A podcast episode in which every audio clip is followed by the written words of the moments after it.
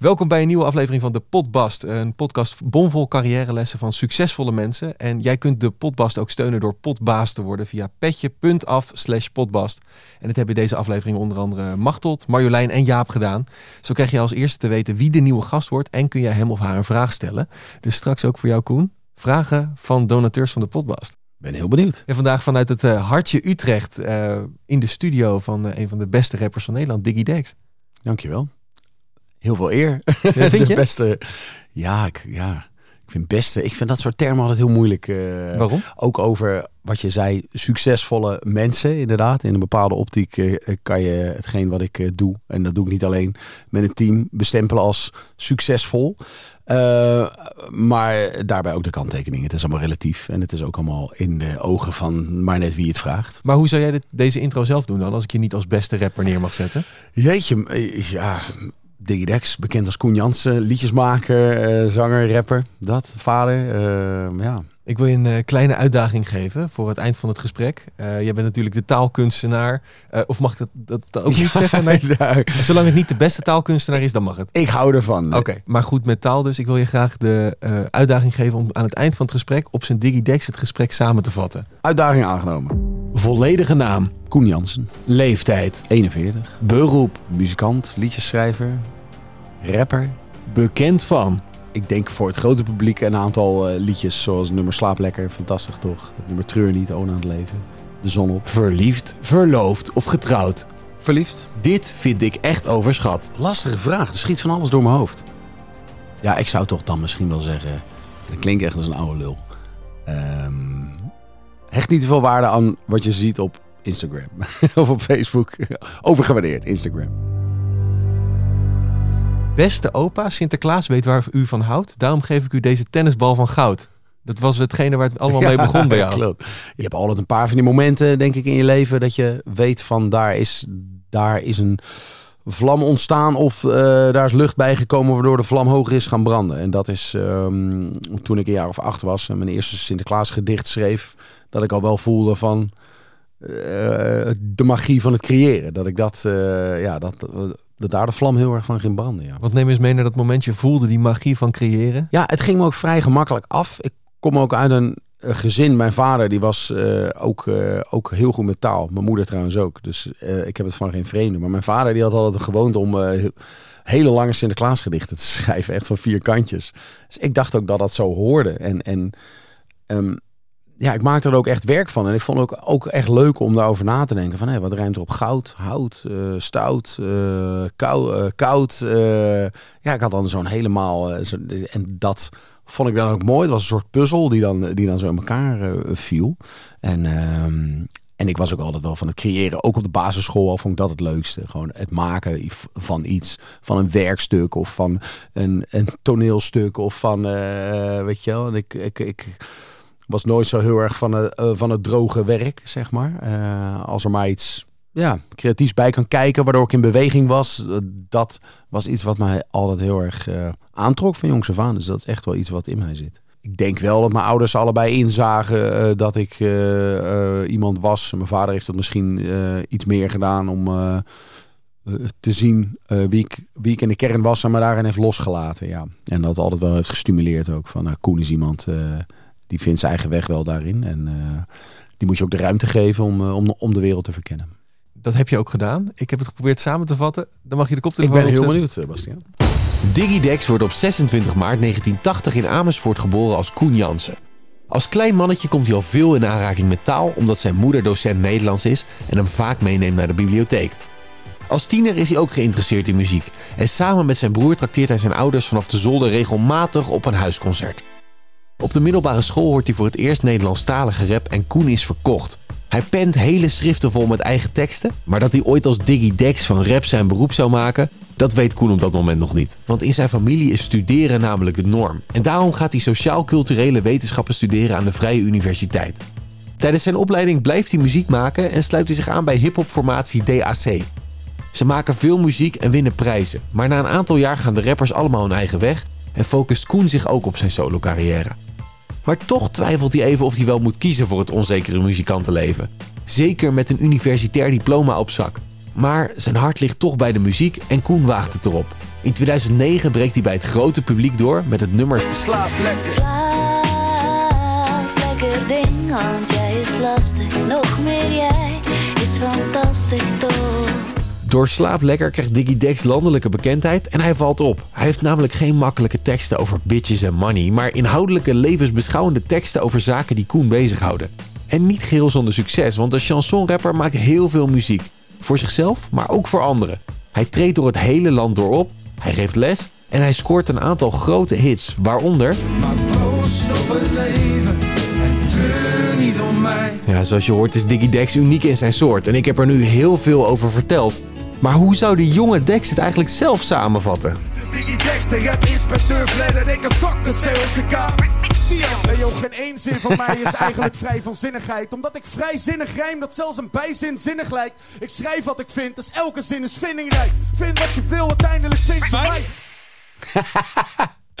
Echt leuk. Ik vind het echt, le- echt leuk om oude dingen te horen. Hoe lang is het geleden dat je deze Geen gehoord één hebt? zin van mij is... eh, jeetje, wat... Geen eh, één zin van mij is vrij Eigenlijk van is zinnigheid. vrij van zinnigheid. Omdat ik vrijzinnig rijm dat zelfs een bijzin zinnig lijkt. Ik schrijf wat, Wat ik ik vind, vind, dus dus elke zin is is- vindingrijk. vind wat je wil, maar uiteindelijk vind je mij. Ja, ja best wel leuk bedacht, toch? Vat Ja, dit je ik zat heel erg op het... eh, nou, destijds zaten wij allemaal, ook in die groep, zaten wij echt meer op het ambacht van, van de... Dat was toen ook iets wat ook wel echt in de rap ook, ook meer de norm was. Eh, het spelen met taal, het spelen met flow. Iets wat me ook altijd heel erg heeft aangetrokken in rap. eh, buiten het verhalende aspect. Ehm, ik heb daar heel veel van geleerd. Ook van een aantal jongens om me heen. Jiggy J, eh, een beetje die generatie die toen ehm, ja, opkwam. Wij zaten dan in een hiphopgroep eh DAC. Een beetje dezelfde tijd als de jongens van Opgezwollen. Lange Frans, Baas B, Piet Philly, Ali B. eh, eh, Space Case, Te Relaxed. Ehm, ja, het was toen een beetje zo'n... En, en waardoor kon je onderscheiden. Dat was inderdaad qua sound, maar ook heel erg in flow en in vindingrijkheid. En dat was ook... Eminem was toen het ding. Soort van die ook, ook, ook en altijd wel... Ja, natuurlijk eh, bekend staat om het verhalen, maar ook zeker om het... ja, zijn taaltechnische acrobatiek. Eh, en het eh, vindingrijke in zijn tekst. En ehm, van huis uit ben ik denk ik meer eerder de verhalenverteller. Mijn eerste solo liedjes toen ik een jaar of 17 was, waren ook echt meer de... Ja, misschien zou het kunnen zeggen de zoektocht. Een van mijn eerste liedjes heet ook De zoektocht naar geluk. Ehm, ik was er altijd wel veel mee bezig. Ook met vrienden hoor. Dat was dingen die ik wel besprak. En dat ik op mijn vijftiende ook een soort... Waar ik het net over had, over die punten. Dat je dan een bepaald, misschien in retrospectief een kantelpunt heb. ehm, dat ik toen bedacht van, dat, wat is het? Ja, wat is hetgene waar ik gelukkig van word? En dat zat hem toch ook heel erg in die verbinding zoeken. Ehm, eh, en het delen met mensen. Ehm, ja, en, en, en dus daar had ik ook wel een paar teksten over. inderdaad. Ja. En je zei net, ik vind het leuk om oud werk terug te horen. Ja, Wat, wat, wat, wat, wat komt er dan bij je op? Bijvoorbeeld Slaap Lekker, daar moest je hard om lachen. het is ook wel echt een Digidex liedje. Een, eh, in de, eh, een, een verhaal met een, met een, eh, een zwoel zomers gitaartje erin en een, en een leuke hoek erin. En op een van die werkte dat toen op dat moment goed, denk ik, voor radio. Ehm, ja, het is ook wel in essentie, denk ik, wie ik ben. Ja. Een verhaal vertellen. Het is heel kort gezegd de ontmoeting met mijn vriendin. Om antwoord te geven. We zijn nog niet getrouwd, wel verliefd. We zijn al 16 jaar samen. Slaap lekker is het verhaal over hoe ik mijn vriendin heb ontmoet. Maar heel anders dan hetgene wat je net op het eind hoorde. Ja, ja, ja, met, geen eh, eens- ja, klopt. Nee, het was ook wel wat ik zei in die periode van het. eh, was ik ook nog heel erg aan het zoeken naar eh, wat ik. Ik had altijd heel erg het gevoel dat ik. En zo waren wij ook echt op het podium. We waren altijd heel energiek. En, en, en dat was iets wat erbij hoorde. En wat ik ook, ook echt eh, heb vanuit de rock en vanuit de rap. Vanuit mijn interesse daarin. eh, wat ik echt had eh, vanaf mijn twaalfde. Race Against Machine, Beastie Boys, energieke live shows. En het zit er echt nog wel steeds in als wij, als wij nu optreden. Ehm, en ik ben ook blij dat dat zo is. Alleen gaandeweg kom je er meer achter ja, dat je niet een uur lang die op dat level energie kan geven. En ik denk dat ik ook met de mensen met wie ik toen was, ook Marcel, met wie ik hier nog steeds zit, ehm, ja, voornamelijk in het ding waren van het moet gewoon zo dik mogelijk klinken en zo heftig en zo, en zo hard mogelijk en zo in your face mogelijk. En ehm, ja, ook bijvoorbeeld qua stemgebruik zit ik daar al veel, ben ik veel harder aan het Ja. rappen. Omdat ik het gevoel had dat een boodschap hard overgebracht moest worden. En Omdat je dan dacht dat het beter bij de mensen ja, aankwam? dat het, dat het misschien beter aankwam of zo. Maar hoe ook, kom je eh, erachter dat dat niet zo is dan? dat is iets wat gaandeweg gaat, denk ik. En ehm, dat is ook iets waar je, waar je steeds meer van leert. Ook, en dan heb ik het dus niet alleen bijvoorbeeld over stemgebruik, maar ook over technische eh, ervaring. Bijvoorbeeld voor, eh, over, over het mixproces. Dat heb ik eigenlijk altijd met Marcel gedaan. En als wij oude mixes terugluisteren, dan ja, was het alleen maar de bedoeling om het gewoon zo hard mogelijk te laten klinken. En dat we ons echt zaten achter van, van hoe krijgt Dr. Dre die sound zo? Hoe krijgt hij dat zo? En dan op zo, weet je, want de- destijds was het ook nog wel iets minder makkelijk om dat allemaal op te zoeken. En moest je een magazine kopen, kijken van hoe, wel- welke studio heeft hij, welke instrumentarium eh, dingen gebruikt hij. En dat was, ja, dat was echt een zoektocht die we met z'n allen, ook dan ik en Marcel en ook de jongens van DLC denk ik, eh, hebben gemaakt. Ja. Maar heb je het antwoord gevonden? Hoe doet hij dat? Ja, dat wel. Alleen kom je er ook nog achter, hij doet dat op zijn manier. Er blijft toch altijd een bepaalde personal touch erin. En wij doen het op onze manier. Maar je snapt het technisch gezien beter. En dat is iets waar we denk ik lang op zoek naar waren. Ik ook van hoe krijg je je vocal nou zo of zo. Ik was altijd wel. Of hoe krijg je die bepaalde sound zo? Hoe laat je een gitaar zo klinken? Waarom? Soms is dat ook toeval. Is dat ook iets. eh, ik heb genoeg liedjes. Ik zie daar toevallig het nummer De Zon op staan. Een Ja. plaat daar. Gouden Award. Ja, een gouden award voor de voor zon op. De beste rapper. Eh, die, die hebben we opgenomen in een huisje in Italië een paar jaar geleden. Omdat we er toen waren. En in één keer was dat lied er. En, en was, hadden we hem echt binnen een paar uur. En even heel snel in, de, ja, in een soort hype zit je dan. En Marcel die zat te mixen. En die gewoon in een eh, oude middeleeuwse villa eigenlijk. Dus akoestisch gezien was dat helemaal eh, eh, shit. Maar ehm, met het idee van, ah, dan gaan we het thuis nog wel een keer goed mixen, weet je wel. Maar dan creëer je een bepaalde vibe, een bepaalde vibe ook in de sound. En dan ga je het, breng je het weer hiermee naartoe. En dan ga je het op zijn officiële manier mixen. En dan merk je, hé, hey, de hele vibe is weg. Laten we eens teruggaan naar de kleine Koen. Als de juf aan de kleu- in de kleuterklas aan je vroeg, wat wil je worden? Wat zei je toen? Ehm, ja, voetballer, skateboarden ook. Dat waren eh, een beetje mijn dromen op de basisschool, denk ik. Ja. Ehm, Michael Jackson ook, denk ik. Je wilde Michael Jackson Ja, worden. ik wil Michael Jackson worden. Ja, dat was ik wel. eh, dat, dat was ook eh, een van vooral de, de energie die het, die het me gaf en iets voelde in mijn lijf dat ik dacht van hé, wat, is, wat, wat is dit? Ik vond het zo betoverend. Muziek in het algemeen, maar Michael Jackson was natuurlijk de, de god der goden in de jaren tachtig. Ja. Ik had nog nooit heel erg voor me van ik, ik wil later een 9 tot 5 baan of zo. Ik had al vrij snel mijn puberteit dat ik dacht van ik wil gewoon op, op wat voor manier dan ook eh, mijn eigen baas zijn. Eh, en hoe wist ik dat ook nog niet. Ik dacht ook nog van nou misschien een eigen bedrijf beginnen in, eh, in eh, skateboards en dergelijke. Maar uiteindelijk is dat ook, dat is ook wel echt een belangrijke drijfveer geweest voor mij om door te gaan met de muziek. Omdat ik daar echt me in ja, alle vrijheid voelde. En ik hou er, ik hou er nog steeds niet zo van als ik in een keurslijf word gedwongen. En eh, ja, mensen vertellen ja, wat je moet doen. En ook een bepaalde zingeving of zo eh, daarin zoeken. En dat vind ik het allermooiste aan muziek. Is dat het mij een echte middel geeft om, om, om, om, om de wereld te begrijpen en mezelf te begrijpen. Ja. Weet je het eerste moment nog dat je dacht van... hé, hey, dit is echt misschien wel mijn roeping? Ja, een paar keer dus. Dat Ja. is inderdaad met dat gedicht. Dat is de eerste keer dat ik Michael Jackson ging playbacken voor de spiegel. Dat is de eerste keer dat ik met een vriend eh, met een wc-rol in de hand Nederlandstalige teksten aan het rappen was van onszelf. Dat was een keer een optreden op de middelbare school in de vierde klas met, met eigen teksten. Ehm, Wat voor teksten waren dat? liedjes.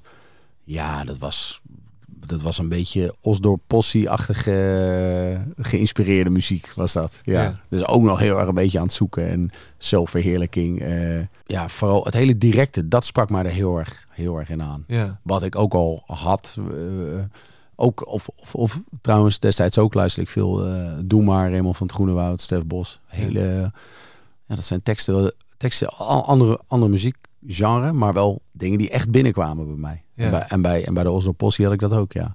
En dat was misschien juist iets meer gewoon het rebellerende. eh, daaraan wat, wat helemaal strookte met mijn leeftijd toen ik Ja. was 14, 15. Eh, Op school kreeg je die muziek te horen. Je dacht, hé, hey, dit is wat voor mij. Je gaat zelf teksten schrijven. Eh, waar begin je dan als je in één keer denkt van... hé, hey, ik ga dit ook proberen? Nou, ik begon ooit met een, met een vriend van mij dus. Ja. Die zat in mijn klas, Björn, ook later onderdeel van DHC, van de rapgroep.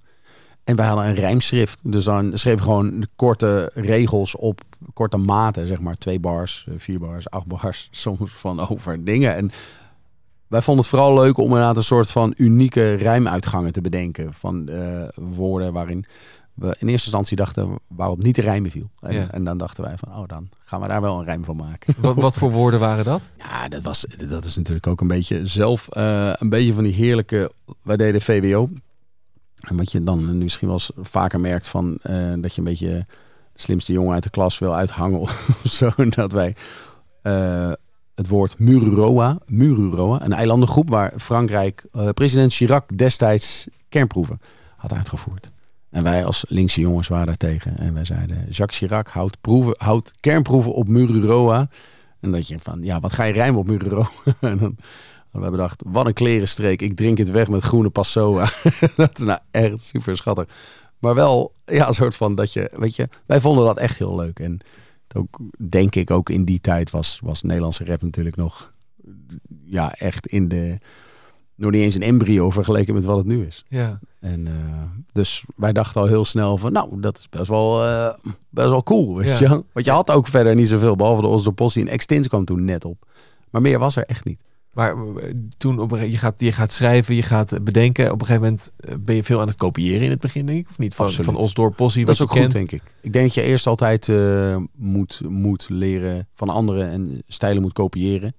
Ehm, ehm, ja, om er ook achter te komen hoe eh, ehm, andere mensen doen. En, en, en, en gaandeweg, als je dat een beetje eigen hebt gemaakt. Bij mij heeft dat ook best wel lang geduurd. Echt wel een jaar of tien of zo, denk ik. Voordat ik echt het gevoel had van oké, nu heb ik genoeg dingen geprobeerd eh, binnen het genre. Ja, om te weten wie ik ben en dus ook wat ik wil zeggen. Ja. En hoe, hoe kom je aan zo'n eigen stijl? Zeg maar, want dat ga je creëren dan. Het is een beetje mensen imiteren het in het begin. Ja, Schaven. nou, het is, het is toch eigenlijk uiteindelijk ook inderdaad het afpellen van die lagen. Ik denk dat ehm, met de jaren je jezelf ook steeds beter leert kennen. En ook een bepaalde durf van, hey, ik had altijd wel, ehm, ehm, ja, wat, eh, en ook op mijn eerste soloplaat, wat persoonlijkere dingen. Ehm, ik vond het alleen nog wel eng, omdat het landschap was ook wel wat iets wat rauwer dan dat het nu, denk ik, is. En dat er wat gewoon, eh, weet je wel, je had de opposits en dat was eh, feesten en het was opgezwollen, was duister. En, en ik had dan, ja, teksten over, over levensvragen. Dus ja, ik, ik, ik, weet je, en toen was ik een jaar of 25 of zo. Ik zat ook nog, nog, nog heel erg te zoeken. En op een gegeven moment, zeg ik je ook eerlijk, is het, is het toch fijn als je een bepaalde bevestiging krijgt van een aantal mensen. Van hey, tof, ik ga hierop aan. En, en ook al zijn het er maar drie. Het is toch, eh, het is altijd een wisselwerk. In eerste instantie maak je het voor jezelf, maar zonder die eh, bevestiging, hoe klein die ook is, van hoe klein die groep ook, is het toch fijn dat je voelt van, ah, tof. Ja. Ehm, en eh, misschien heeft het ook dan te maken met een bepaalde acceptatie van eh, hoe je wordt gewaardeerd om wie je werkelijk bent. Ik denk dat sommige mensen misschien dat eerder vinden. Misschien als je al acht bent of, of tien. Ja. Of misschien eerder in de hoek. En sommige mensen nooit. En sommige mensen pas op hun eh, zestigste. Maar is het dan er ook op vertrouwen dat het gewoon goed is? Op een gegeven moment? Nou, dat het, eh, het is dat je ook merkt dat het goed is om, om jezelf te zijn. En dat dat fijn is. En dat, dat het ook een. ehm, ik denk uiteindelijk ook dat je wat jij zelf vertelt. Je bent per definitie uniek natuurlijk. Iedereen heeft zijn eigen verhaal. En dat er dat je ook ehm, niet moet onderschatten hoeveel eh, hoe universeel de emoties zijn daarachter. Mijn situatie mijn situatie, over een scheiding van mijn ouders bijvoorbeeld. Ik noem maar even maar een voorbeeld. Ehm, en hoe mijn ouders zijn gescheiden en daarmee zo omgaan, is, is natuurlijk heel specifiek. Maar ehm, de emotie daarachter is natuurlijk wel universeel. En dat je dan, en heel vaak denk ik, dat ik, had ik ook, mensen het gevoel hebben van, ik, ik zit hier alleen mee. Weet je wel? Ik, of, ik ben de enige die, hier zich, die hier druk over maakt, of die onzeker is, of die moeite heeft met het vaderschap, of eh, die eh, graag, noem maar wat, zoete muziek maakte of, of luistert of zo, weet je wel. Het heeft ook gewoon te maken met een bepaalde acceptatie daarin dat het eh, ja, goed is eh, wie je bent. Hoe, hoe reageerde je klasgenoten? Libelle spoiler. Ja. Li- libelle spoiler? Nee. Nee, ik dacht, het, eh, het klinkt een beetje libelle. Ja, dat, Dat dat is goed het wordt wel je heel zoetzinnig nu. Ja, nee, maar toch wel uiteindelijk denk ik wel dat dat. dat, dat ik heb een nieuw. Ik heb een nieuw liedje op een, op een album staan, op een nieuwe plaat. Wie je bent. En dat vind ik ook heel grappig aan het hebben van kinderen. Dat je al zo eh, eh, op zo'n jonge leeftijd kan zien hoe iemand gebak is. Dus wie, wie iemand is. Dat nummer heet ook wie je bent. Ja. Ik zeg ook, ik hoop dat je wordt wie je bent. Omdat ik altijd denk van, natuurlijk, je moet ook die uitstapjes maken om er juist achter te komen. Ehm, eh, om te kijken wie je niet bent. Om te, ertoe te komen wie je we- werkelijk bent. Maar ehm, ik vind dat wel fascinerend, ja. Dat je denkt van... de bepaalde mate van temperament, expressiviteit, interesse, dat, dat is iets wat er is. En op een gegeven moment ga je naar je ouders toe en je zegt, joh, pap, mam, ik denk dat dit mijn roeping is. Ik moet dit gaan doen. Hoe werd er gereageerd?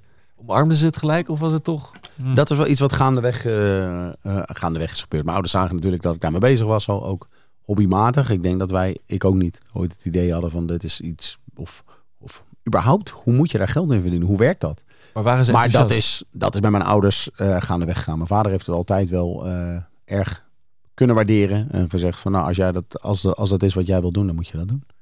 En mijn moeder was toch wel iets meer van je moet, wat je ook net zei in de introductie, je moet studeren en dan muziek is iets voor erbij. Kunst is altijd iets voor erbij. Lange Frans omschreef dat hier in de podcast ook een keer als... Je hebt de, de steiger en het bootje. En dat bootje, dat is dan je, je hobby die steeds groter wordt. Ja. Eh, of je, je hossel, zoals hij dat noemde. En de steiger is de vastigheid, de zekerheid. Oh ja, en ja. op een gegeven moment drijft dat uit elkaar.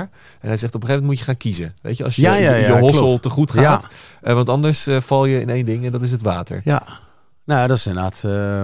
ik heb dat denk ik eh, ge- eigenlijk gedaan na mijn studie, nadat ik mijn studie had afgerond. Dat ik dacht van, eh, en toen zat ik nog wel een beetje tussen wal en schip, maar ik heb toen wel heel bewust gekozen van ik wil graag muziek maken. Hoe ga ik dit inrichten? Dus ik neem gewoon een baantje voor twee dagen in de week in een callcenter en de rest ga ik gewoon alleen maar aan muziek besteden. Ja. Dus ik heb ook twee jaar lang nog denk ik in een callcenter gewerkt. En daarbuiten alleen maar muziek, ge- muziek gemaakt. En af en toe een optreden en eens een workshop gegeven. En eh, toen kwam ik terecht in 2009 op de Popacademie in Rotterdam. Daar kon ik één dag in de week lesgeven. Dus dat vond ik leuk, dus hoefde ik niet meer naar de callcenter. Gaf ik één dag in de week songwriting. En ik vond dat ook leuk om daarmee bezig te zijn. Ja, want in je boek schreef je ook dat je, je had de afweging zeg maar, tussen ehm, eh, de zekerheid van, van de baan die je kon krijgen met je diploma. Ja. eh, en anderzijds de onzekerheid van de muziek. Waar het het ene Ja. moment eh Havana is en het volgende moment. de- Ja, ik heb daar ook wel, eh, ik heb daar ook wel moeite mee gehad. Ja, ik denk dat elke artiest dat, dat, dat, dat, dat pad herkent van de onzekerheid en de helemaal misschien als je nog wat, als je aan het begin staat tussen haakjes van je carrière. Ik ben ondertussen misschien ook alweer eh, helemaal in de, in de rap. Als je het in die context plaatst, ben ik echt al, al ben ik al bejaard, weet je. wel. Zijn er een aantal jongens van mijn generatie die nog bezig zijn. Ja. Typhoon, eh Stix, Rico, Lange Frans. Voor mij ehm, zat die keuze nooit in geld. Volgens mij heb ik ook een paar keer gerept van als ik, als ik, als ik geld wilde verdienen, zat ik niet in de muziek. Zo, dat. En dat is ook echt zo. Weet je wel, ik heb ehm, me altijd wel ten doel gesteld van als ik, als ik kan eten, ik kan mijn kinderen te eten geven en ik kan mijn huis eh, betalen, dan, dan ben ik eh, helemaal tevreden. ja, het hoeft niet tegen de plinten te klotsen. Nee, ik ben nu net zo tevreden als dat ik, eh, als dat ik tien jaar geleden was. Toen ik echt eh, minder geld verdiende dan nu. Ja, want hoe heb je dan toch de moed erin gehouden? Weet je, vo- voordat Slaap Lekker kwam, stond je wel op het podium. Eh, maar het- was nog niet zo, je was nog niet zo bekend Nee, nee, als nee, nu. nee. Zeker. En ik heb na slaaplekker ook echt een periode gehad waarin ik weer, aan- weer echt aan het zoeken was. En Ja, te kijken wie ik, eh, wat ik wilde. ja. En ehm, mijn ontmoeting met René van Bierlo heeft daar, heeft daar enorm eh, aan bijgedragen ook. En, en, en een aantal gebeurtenissen eh, destijds in mijn leven. Dus toen was ik al 34. En Ja. toen, kwam, toen kwam het nummer Treur niet uit. En vanaf toen ook kreeg je het ook weer veel te druk eh, om nog überhaupt aan lesgeven te denken. Dus toen ben ik echt vol eh, alleen maar in het ja, fulltime artiest te zijn gestapt. En het schrijven, dat doe ik nu een jaar of zeven. Maar wat ik wel ik vind het muziek maken zo leuk en zo mooi. En ik kan me gewoon niets beters bedenken dan dat. Nee. Dus ik denk ook alleen maar vaak van... Ah, wat mooi dat er nog zoveel met zijn tijd bij gegeven is. Zoveel mooie dingen gemaakt kunnen gaan worden. En ik weet langzamerhand steeds beter hoe ik dat wel zo kan houden. Door ook, ook, ook echt veel meer je momenten te plannen. En, en, en uiteraard ook genoeg rust in te bouwen. Dat is wat ik heb gemerkt. Eh, de podcast gaat natuurlijk ook over succesfactoren. En dat is dat, denk ik. Ja. Eh, dat je echt eh, jezelf heel goed moet bewaken. En dat eh, ben ik soms ook wel eens vergeten. Ja, dat je echt bijna neervalt of, eh, of iets. Maar ehm, dus dat ik ook steeds beter weet eh, en lichamelijk merk ook wanneer ik moet stoppen. Maar hoe, hoe, hoe- bewaak je dat dan? Want zeker als jonge carrièremaker pak je alles aan wat je aan kan ja, pakken. ja, absoluut. Eh, je, je staat bij wijze van spreken op elk podium waar je kan Ja. staan. Om maar Ja, die ervaring ook- op te doen. Dat is ook helemaal niet erg in die fase, denk ik. Je, en dan ben je over het algemeen lichamelijk en geestelijk ook wel een stuk vitaler dan als je de 40 gepasseerd bent. Mensen die li- Nee, maar dat is echt zo. Ik, ik, ik merk gewoon, en wat dat betreft heb ik ook een voller bestaan. Ik heb twee kinderen ook. Dat is al zo'n, eh, ja, dat is ongeveer de helft van je invulling, zeg maar. En dat is als je, als je 25 bent, dan eh, ja, sta je op en denk je, nou, wat gaan we, weet je, wat gaan we doen? En ik, ik was zo bezig met muziek en met de mensen om me heen ook, dat, dat, dat het ook nooit heeft gevoeld als werk of als een verplichting. Heel af en toe, maar eh 99% En nog steeds vind ik dat leuk. Alleen merk nog wel steeds beter in de, merk ik beter waar je, eh, waar je op de rem moet drukken. Ja. Want op een gegeven moment kwa- kwam die hit, dat, dat slaap lekker. Je, je, je had in één keer eh, het succes waar je misschien naartoe werkte. Weet je nog het eerste moment dat je dacht, hey, volgens mij gaat dit lukken. Volgens mij gaat het lekker. Ehm, ja, dat weet ik nog wel goed. Ik zat in de auto naar Frankrijk. Ik ging op vakantie met mijn vriendin. Die was destijds zwanger van onze oudste. Dat was al heel lijp. En ik weet nog dat mijn radiopromotor belde.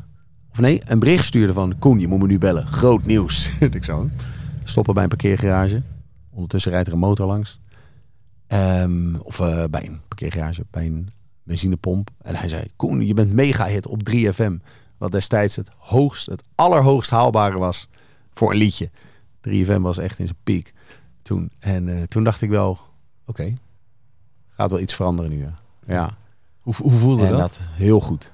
Ja, het is echt, het is zo niet, zo, eh, dat gevoel van als je een liedje de eerste keer echt breed wordt gedraaid op de radio, dat is, dat is, dat is on- niet te beschrijven. Zo vet is dat. Ja. Dat is een gigantische high dan op dat moment natuurlijk. Ja. Maar het heeft toch best wel een tijd geduurd voordat je je volgende hit had. Ja. Ik- eh, zoek je daar dan ook naar? Of is dat... Nou, ik heb daar wel eh, naar gezocht, ja. Ja, daarna ook, een, ook inderdaad een zoektocht naar wat wil ik eh, in, in het, het schuurvlak met eh, wat wil ik echt graag vertellen. Wat is wat ik echt vanuit mezelf komt en hetgeen wat mensen verwachten. Want natuurlijk, eh Slaap Lekker liep een tijd. eh, tot in augustus, september, dat echt zo'n piek. In oktober ook nog wel, werd die, stond hij hoog in de charts. En ja, dan merk je al na dat mensen... En wanneer komt de volgende? Wat kunnen we verwachten? En de radio vraagt erom. En je radiopromotor. En je zit zelf ook van... Ja, jeetje man. Hoe gaan we dit overtreffen? Gewoon een, gewoon een top 3 hit. En vanuit die insteek ben je eigenlijk verkeerd bezig. Toch ook langzamerhand het besef intrainend van... Het gaat niet alleen maar in een lijn omhoog. Maar het gaat in golven. En dat is denk ik ook eh, het resultaat van mijn album Golven in 2016. Letterlijk dat Ja. van ja, ups en downs. En iedereen krijgt te maken met hoge golven en rustige k- kabbelende zee. Of het nou op het privévlak is of op het we- werkvlak. Ja. Weet je wel, soms heb je wel eens jaren dat je echt inderdaad eh Hawaii golf aan het surfen bent. En dan weer eh, even niet, een paar jaar. En dat is ook prima en daar ook vrede mee hebben. Het, moet, het hoeft niet alleen maar te pieken. Nee. En dat, ik vind dat ook juist heel fijn. Dat ik, eh, ik vind ouder worden ook heel prettig. Dat inzicht. En ik had dat wel, had ik in mijn, mijn twintig jaar had ik dat veel meer. En in mijn tien jaar misschien ook wel. Maar dat ik echt dacht van, ik moet pieken, alleen maar pieken. En misschien ook in de geest van de tijd of zo. Weet je. We worden echt wel opgevoed ook natuurlijk met het idee van eh, succes is een keuze. En deels is dat waar. Maar je kan ook echt met hetzelfde recht kan je zeggen, succes is geluk. Want er zijn altijd factoren die net even op dat moment eh, ja, goed, goed vallen. Weet je wel? En het begint bij jezelf, maar noem maar wat. Je schrijft de hit van je leven. en, en, en alles staat in de stijgers. En op dat moment, ja, even iets extreems. Valt je vriendin dood neer. Ja, snap je? Een soort van, ja, Wat is het dan nog waard? wat is het waard? En, Ja. en, en, en, en ja, dan ga je op dat moment waarschijnlijk dat liedje ook niet uitbrengen. Ja, het enige wat je toch kan, kan blijven doen is, is, is om die metafoor weer aan te halen, is eh, de golven bereiden, weet je. Ja. Ja. En zorgen dat je ook klaar bent daarvoor. ja, hoe weet je dat je klaar bent om de golf te bereiden? ik denk het, nou, wat ik ook net zei over dat terugtrekken, je, dat je momenten steeds beter herkent. Ja. En dat je ook steeds beter inziet van, hé, hey, als ik nu nee zeg, is het ook goed. Eh, dus ik hoef niet eh, ehm, voor, of, weet je wel, dan vindt die persoon me ook nog steeds aardig. Je moet niet altijd nee zeggen, Nee, denk ik. nee, Maar- nee, nee, precies. Maar één Maar of als twee je, keer, als je altijd maar ja zegt dan ben je ook die gast die altijd maar komt. en je raakt gewoon uitgeput. Ja. Mentaal, fysiek, maar ook eh, creatief ook. Heel veel liedjes gaan ook over je vader. Die Ja, je hebt gemaakt. paar, ja, ja, ja. Ehm, Straks is het te laat. Ja. Ik zit daarbij. Ja. Waar je ook zegt, hè, van eh, ehm, straks is het laat, daarom wil ik de dingen zeggen voor als je het straks Ja. niet meer hoort. Op het moment dat we het opnemen is het twee weken geleden dat jouw Ja. vader overleden is. Klopt, ja. Ehm, wat heeft hij betekend voor jou in je succes? Ja, wel eh, veel. Ik zei afgelopen weekend op het podium nog, mijn vader, ja, mijn vader was ook echt een van mijn grootste supporters. Ook. En ik had ook altijd bij hem het, het gevoel dat het onvoorwaardelijk was. Ehm, ondanks dat het misschien nooit zo is uitgesproken. Maar had ik altijd het gevoel van een eh, bepaalde blik van, en een blik en blijk van vertrouwen vanuit zijn kant. Ja. Want hoe merkte je dat? Dat het vertrouwen er was? Ja, in eh, de mate waarin hij eh, enthousiast kon zijn over demo's. Of, of, of vooraan stond bij een optreden. Of met een camera om zijn nek stond. Of mij ergens naartoe reed. Eh, waar het eh, toe nodig was. Het zat bij hem, ehm, eh, zat daar ook heel erg in. Het was een hele creatieve man. die ook, ook zeker op de middelbare school echt bezig was. Ook met cabaret en stukken schrijven en podiumperformance. En daar nooit iets m- eh, mee heeft gedaan. Hij heeft zich ook wel eens laten ontvallen dat hij zei... als ik het opnieuw had kunnen doen, had ik... Daar, dat, dat vond ik echt heel leuk.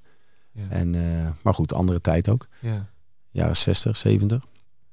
En ehm, dus ik denk dat hij misschien ook wel trots was. Of, of, of misschien dat herkende van... eh, uit zichzelf van een eh, liefde voor het maken en, eh, en, en de liefde voor taal, dat hij dat, dat hij dat dan terugzag in mij. Ja. Want je zei, je zei je in, straks is het laat zeg je ook van ik stuur je alle demo's. Ja, Luisterde ja, ja, je ja. naar en gaf Ja, feedback er ook op?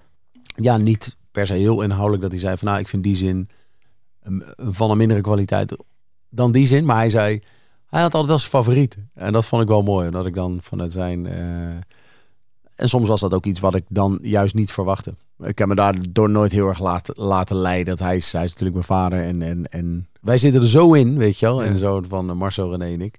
Dus dat we, ja, dat we dat wel meenemen. Maar uiteindelijk, ja, merken we hier al heel snel in de studio of het iets wordt wat op een plaat kan. En dat, dat is ook echt, eh, echt wat heel erg gegroeid is. Als wij het gevoel hebben, dit zit goed en we gaan aan. En dat merk je gelijk. Ja. Bepaald enthousiasme, bepaalde eh, flow van creativiteit. Dan weet je eigenlijk al dat het goed zit. En dat brengt me ook bij het volgende punt. Hoe deal jij met kritiek? Ja, als het hele terechte kritiek is, dan kan ik daar, eh, wat in het verleden was, is gebeurd hoor. Nadat ik, dat ik het daar ook gewoon mee eens was.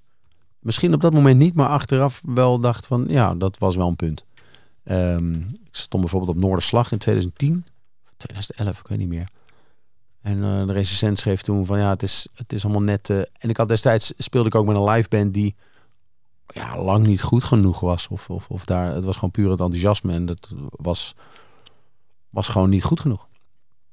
En eh, toen kregen we een 6 voor dat optreden. dat weet ik nog wel. Destijds werkte 3 voor 12. Die website die recenseerde Noorderslag optredens kregen we een 6. Toen dacht ik, nou ja, het is in ieder geval voldoende. Maar onbewust was dat ook wel, eh, eh, ja, denk ik, denk ik iets wat ik heb meegenomen eh, later. Of je nou 6 bent of 60, als je iets maakt en de wereld inslingert, dan is het toch altijd je kind.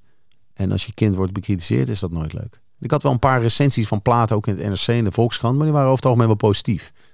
Dus dat vond ik ook mooi. Ja. Vond ik ook fijn. Maar ehm, ja, zo'n beetje. ehm, ik denk ook dat ik zelf. Ik was er ook nog niet klaar voor. En ik denk ook dat.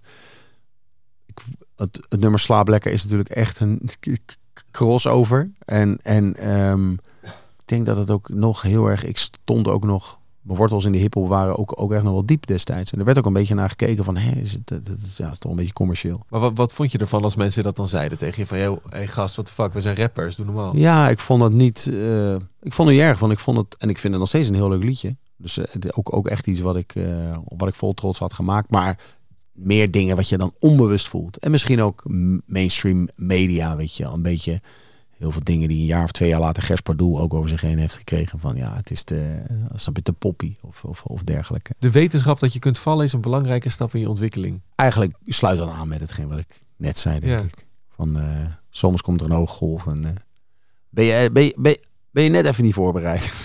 Lag je toch net even te veel naar de zon te turen, weet je. En dan, eh, wap, dan val je van je plank af. En dan eh, lig je weer op het strand. Hoe kun je als je jonge carrière maker of jonge maker het best dealen met kritiek? Wat je krijgt op wat je werk of, of op je stage? Of... Nou, ik denk ehm, dat het delen heel belangrijk is van een aantal mensen. Hopelijk, als je die om je heen hebt. Ook, één is ook al goed. Een vriend of een, een vader of een moeder of een zus of een broer. Dat je, eh, omdat dat toch, ehm, ja, eh, eh, ehm, een bepaalde lichtheid vaak biedt van, omdat je toch zit kritiek zit altijd in je hoofd, weet je wel. Het, je leest iets en dan ook, ook natuurlijk ook op social media, dan, dan merk je gewoon het mechanisme van als je iets ziet van een kritiekpunt of zo, dan, dan begint je brein al een soort van eh, met een duiveltjes, duiveltjes erop te tikken. En eigenlijk op het moment dat je het gaat bespreken met hem of met wie dan ook, ehm, dan merk je al dat, dat het er letterlijk echt uit is. Weet je? wel. Dat je, dat je het ook allemaal wat, wat iets meer kan relativeren. Gelijk op het moment dat je het al zegt van, joh, ik las nu of op Insta gebeurde er dit Ja. die zei dit. En ja, dan is het toch wel heel fijn dat een vriend dan kan zeggen van, ah joh, maak je niet druk. Ja. Ook al is het maar zoiets simpels, weet je wel. Het vervelendste op zo'n moment is altijd als ze zeggen: Nee, maar ik snap heel goed wat ze zeggen. Ja, Dat je, dat je er eigenlijk heen kwam voor een schouder om ja, uit te ja, huilen. ja. ja, nee, ja, dat, dat kan ook, maar, de- maar dan, is, het- dan is het wel een goede vriend, ja. Wat ik, je, wat ik aan het begin al zei, hè, er zijn vragen van mensen die gedone- gedoneerd hebben, die potbaas zijn geworden via petje.af slash potbast. Krijg je dus als eerste te horen wie de nieuwe gasten zijn. En eh, nou, je kan dus een vraag stellen aan, eh, aan de gast. En Ja. zo zijn er vandaag eh, voor jou ook vragen binnengekomen. Eh, eentje die, eh, die komt van Steven. Yo Bastiaan, Steven Gilbers hier, hip-hop taalwetenschapper en onderdeel van Homebase samen met Frank Stevens. Aan mij de eer om vandaag als donateur een vraag te stellen aan Diggy Dex. So Diggy, let's go. Mijn vraag aan jou is de volgende.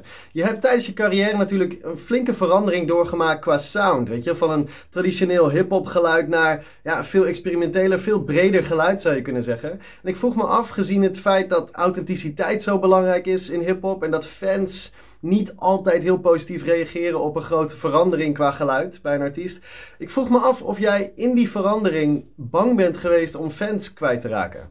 Nee, eigenlijk niet. Goeie vraag wel. Ja, nee, zeker. Dat is. Ik. Ten eerste voelt zo'n verandering voor mij helemaal niet eh, gek of zo. Het is ook niet dat ik dat heel bewust in één keer heb bedacht van, nou, nu ga ik wat meer. ehm, eh, voor mij voelde dat eigenlijk altijd heel organisch en heel natuurlijk. En, en, en, en ik werkte ook eh, ja, wel heel vaak ook met samples. Dat was, waren vaak organische eh, samples, dus soul samples of wat dan ook. En ehm, ja, eigenlijk nog steeds. Alleen wordt het nu live ingespeeld. dat vind ik eigenlijk veel leuker. En, en, en, het, en tegelijkertijd biedt het ook veel meer ruimte voor, om, om een track te maken. Even nog om daar op in te zoomen vind ik wel interessant. Vroeger was ik gewoon gebonden aan een, aan een loop die ik had gesampled van de Chi-Lights of van de... ehm, wat ik al allemaal eh, los en vast heb gesampled, zoals dat vroeger veel meer gebeurde natuurlijk. Zat ik gewoon vast aan een loop van vier bars. En nu kan ik gewoon met René ook zeggen van, nou, dat is wel tof. Maar laten we daar ook dan, want we spelen het zelf in. Ja. René speelde dan voornamelijk zelf in. Maar wat ik je nu ook weer hoor zeggen van als ik of wij het goed vinden, dan is het goed. Ja. Dus ik heb nooit een, nooit een moment gedacht van, ja, precies, van ik verlies hierdoor mensen. En ja, je verliest misschien altijd mensen Ja. gaandeweg. Mensen die fan waren van je tijdens de Ja. DSC-tijd met Af en harde. toe, eh, af en toe eh, eh, zeker, ik krijg nog wel eens een berichtje van, ah ja, eerste album vind ik nog helemaal te gek. En ik vind, laatste plaat luister ik wat minder. Ik zeg, nou top, dan is alleen maar mooi toch? Want dan heb je, heb je dat eerste album nog om op te zetten af ja. en toe. En je luistert nog steeds. En, en, en als je die nieuwe platen niet, niet, niet meer jouw stijl is, dan is dat ook prima. Want ik snap dat ehm, helemaal. En ik vind het bovendien juist, zelf vind ik het ook altijd wel interessant als een artiest eh, zich ontwikkelt. Soundmatig of eh, songwritingmatig. En dat hij, ja, ik, ik denk dat het heel logisch is dat je niet dezelfde persoon bent. Ik ben echt letterlijk niet dezelfde persoon als, als nu, als toen ik 18 was. Nee. Verwachten fans dat wel? Dat je altijd dezelfde blijft als muzikant? Dat je altijd hetzelfde geluid hebt? Altijd. Ja, dat weet ik niet. Nee. Dat, eh, ik, vind dat, ik vind dat altijd heel moeilijk om het van een afstand te bekijken. Wij maken wat wij maken. En voor mijn gevoel ook weer met zo'n laatste plaat Carousel... hebben wij echt wel weer een andere eh, sound neergezet dan de plaat daarvoor. En, en, en alleen, ja, misschien voor sommige mensen niet. Of, of, of, maar dat, dat, dat blijft me altijd verbazen, weet je wel. Dat je gewoon een liedje maakt en dan zelf heb je, nog, heb je een bepaald gevoel bij. En dan is het in de wereld en dan kan het heel anders geïnterpreteerd worden. Of, of, of, of oh, helemaal te gek die. Of iets wat opvalt. Ik, is prachtig, vind ik dat. Stel dat je altijd hetzelfde geluid zou hebben en daardoor maak je hit na hit na hit en je staat overal in de chart, je bent de populairste rapper van Nederland. Of je doet wat je nu doet en je hebt dan niet altijd de hits, maar je maakt precies wat je wil en je hoeft niet altijd Ja. hetzelfde geluidje te maken. Absoluut het laatste, ja. Nou ja, kijk, want je, je weet ook gewoon als je een beetje hebt verdiept in de, in de muziek, eh, dat het nooit hit na hit kan zijn. En helemaal niet als je het doel is. Mijn, mijn doel is altijd wel geweest, ik wil dit wel blijven doen tot mijn 60ste, 70ste, 80ste. Tot ik, er, tot, tot ik erbij neerval, denk ik. Hoe ga ik dat vormgeven? Dan is de manier voor de lange termijn, eh, dit is de, de- dit is de koers. En daar gaan we naartoe. Ja. Met ruimte daarin voor eh, altijd voor nieuwe dingen. En bijvoorbeeld wat ik ook zei van zo'n ontmoeting met René Vermilo is voor mij heel erg belangrijk geweest. Muzikaal, omdat hij muzikaal gezien dingen kon toevoegen waar ik onbewust samen met Marcel naar op zoek was. Maar wat wij simpelweg niet konden. Gewoon, wij spelen wel wat gitaar en wat toetsen. Maar René is een, is een bizar goede instrumentalist. En heeft zich ook steeds meer ontwikkeld als songwriter daarnaast. Wat wij dan al meer waren. Echt het maken van liedjes. Ehm, en René wat minder. Maar wat wij ja, in elkaar hebben aangestoken. Dus dat, dat, eh, daar ben ik echt heel dankbaar voor. Dat we dat kunnen doen met z'n drieën. En hopelijk nog heel lang kunnen doen. Er is nog één vraag en die kwam van, eh, weet je nog dat wij appten over deze, dat ik je uit wilde nodigen voor de podcast? Dat je zei, ik ga eerst even wat luisteren. Ja, Dat was Giel, de eerste Ja. die je hebt gehoord. Nou, hij had ook een vraag voor je. Yo, Koen, Giel hier. Nou, hij ligt hier klaar hoor. Dat hele knusteltje. Mooie carousel. En ik vind het ook zo leuk om eh, luisteraars te laten horen die niks eh, kunnen zien. Ik krijg dus een kaart van Koen, Diggy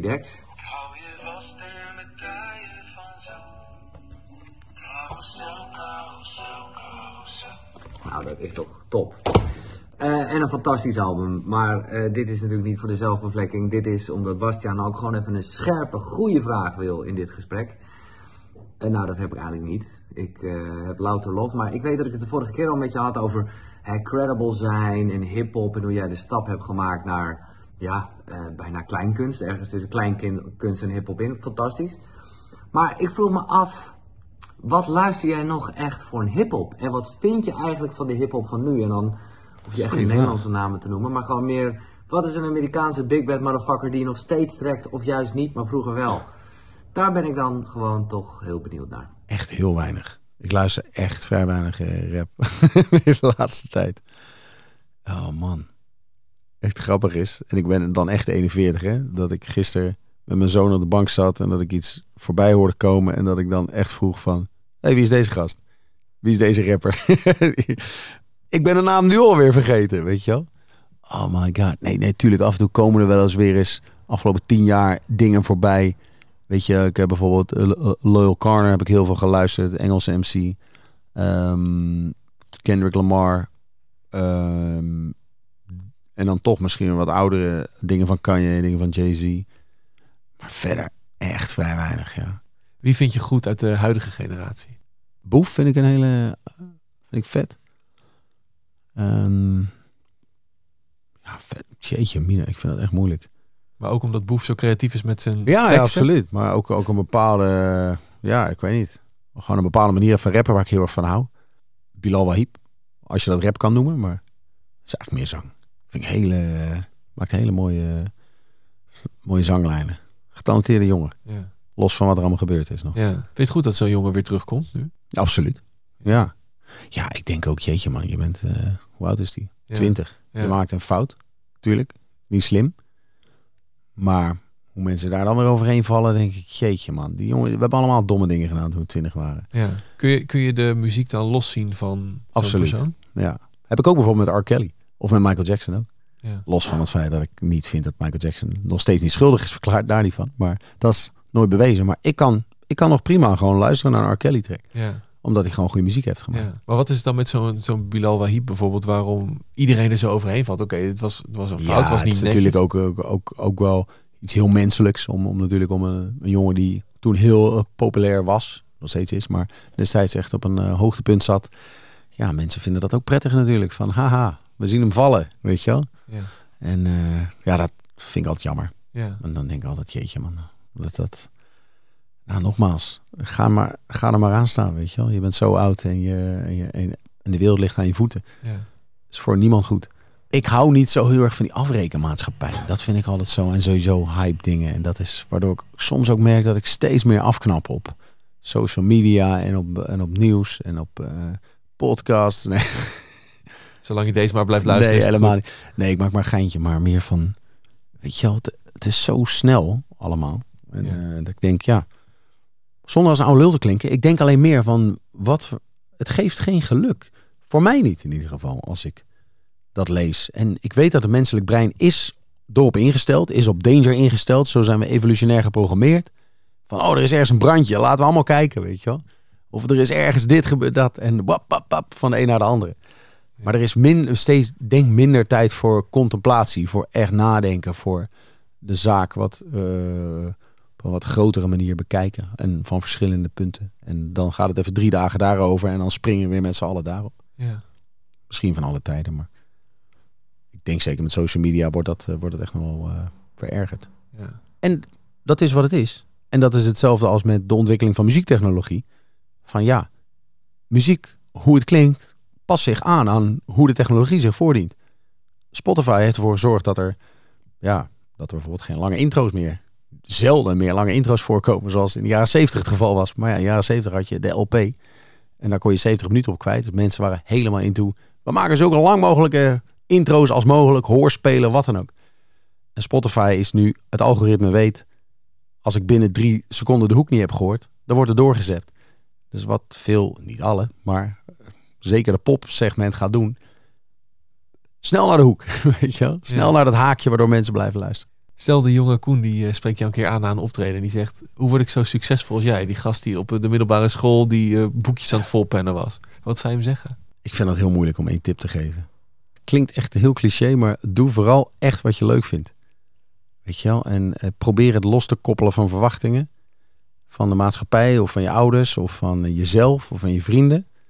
En, eh, en dat is, dat is, eh, en dat is helemaal goed, wie je bent. Ik ben wel enorm dankbaar. Ik zie ook wel in dat niet iedereen dat heeft. Maar voor mij heeft dat even geduurd om het in te zien, omdat ik zelf zo ben. Ik ben wel echt een optimist. En ehm, ik dacht, vind het soms nog steeds moeilijk als iemand daar anders eh, in handelt. Bijvoorbeeld mijn oudste zoon is echt minder optimistisch dan ik. Ik krijg daar echt, ik heb er echt moeite mee. Ik krijg er buikpijn van. Maar ik ben echt iemand die zegt, mag, morgen weer een dag, weet je wel. Vandaag zijn er drie mensen bij mijn show gekomen. Morgen staan er weer 30.000. Ik sluit de potbast altijd af met eh, de potbast sticker, het collectors item van de potbast. Waar ga je hem plakken? In de studio? ehm, Waar we nu zitten? ja, dat denk ik wel. Ja. Ik denk hier op de deur. Daar zo. De mooie grote witte Ja. deur. De deur, als dat mag. Ja. Ja, dat weet ik eigenlijk niet. Of dat mag. Van de verhuurder. Ga ik even Anders, checken. anders verf je er gewoon overheen. Ja, ja, ja, precies. Een mooie sticker. Ik had je aan het begin eh, de opdracht gegeven natuurlijk. Hè? Van eh, vat het gesprek samen op zijn Digidex. Hoe zou je dat doen? Vind ik wel heel moeilijk. Want ik kan dat ook nooit zo op commando of zo, weet je. Of, ik, ik of denk heb je daar meer even van, tijd voor nodig? Ik denk dan altijd meer van, eh, ja, jeetje. Nee, ik vond het gewoon een mooi gesprek, Bastiaan. Dat is, dat is wat ik... eh, ik weet ook bij God niet meer wat ik allemaal heb gezegd. Ik hoop dat het niet te veel over mij ging. Ja, wel een beetje. Een uurtje ongeveer. Ja. Nee, ik... eh, Ja, jeetje. Of wil je hem eerst even terugluisteren voordat Nou ja, iets het- over kan het- zeggen? ook, ook over die succesfactoren. Ja, blijf, blijf ook altijd aan jezelf twijfelen, toch? En eh, blijf eh, aan, aan de wereld twijfelen. Bevraag alles. ehm, ja, dat is wel echt iets wat ik vanuit de hip-hop. wat ik altijd zo. En vanuit een heleboel muziekstromingen, maar ook vanuit de punk bijvoorbeeld. Van ja. Word nooit te comfortabel of zo, weet je wel. En dat is. eh, denk nooit van. eh, nou, nu ben ik er of zo, weet je wel. Want ja, dan is het ook maar saai. En eh, ja, je wil toch, ik in ieder geval, nieuwe dingen ontdekken, toch? Nieuwe muziekstromingen, nieuwe woorden, nieuwe liedjes.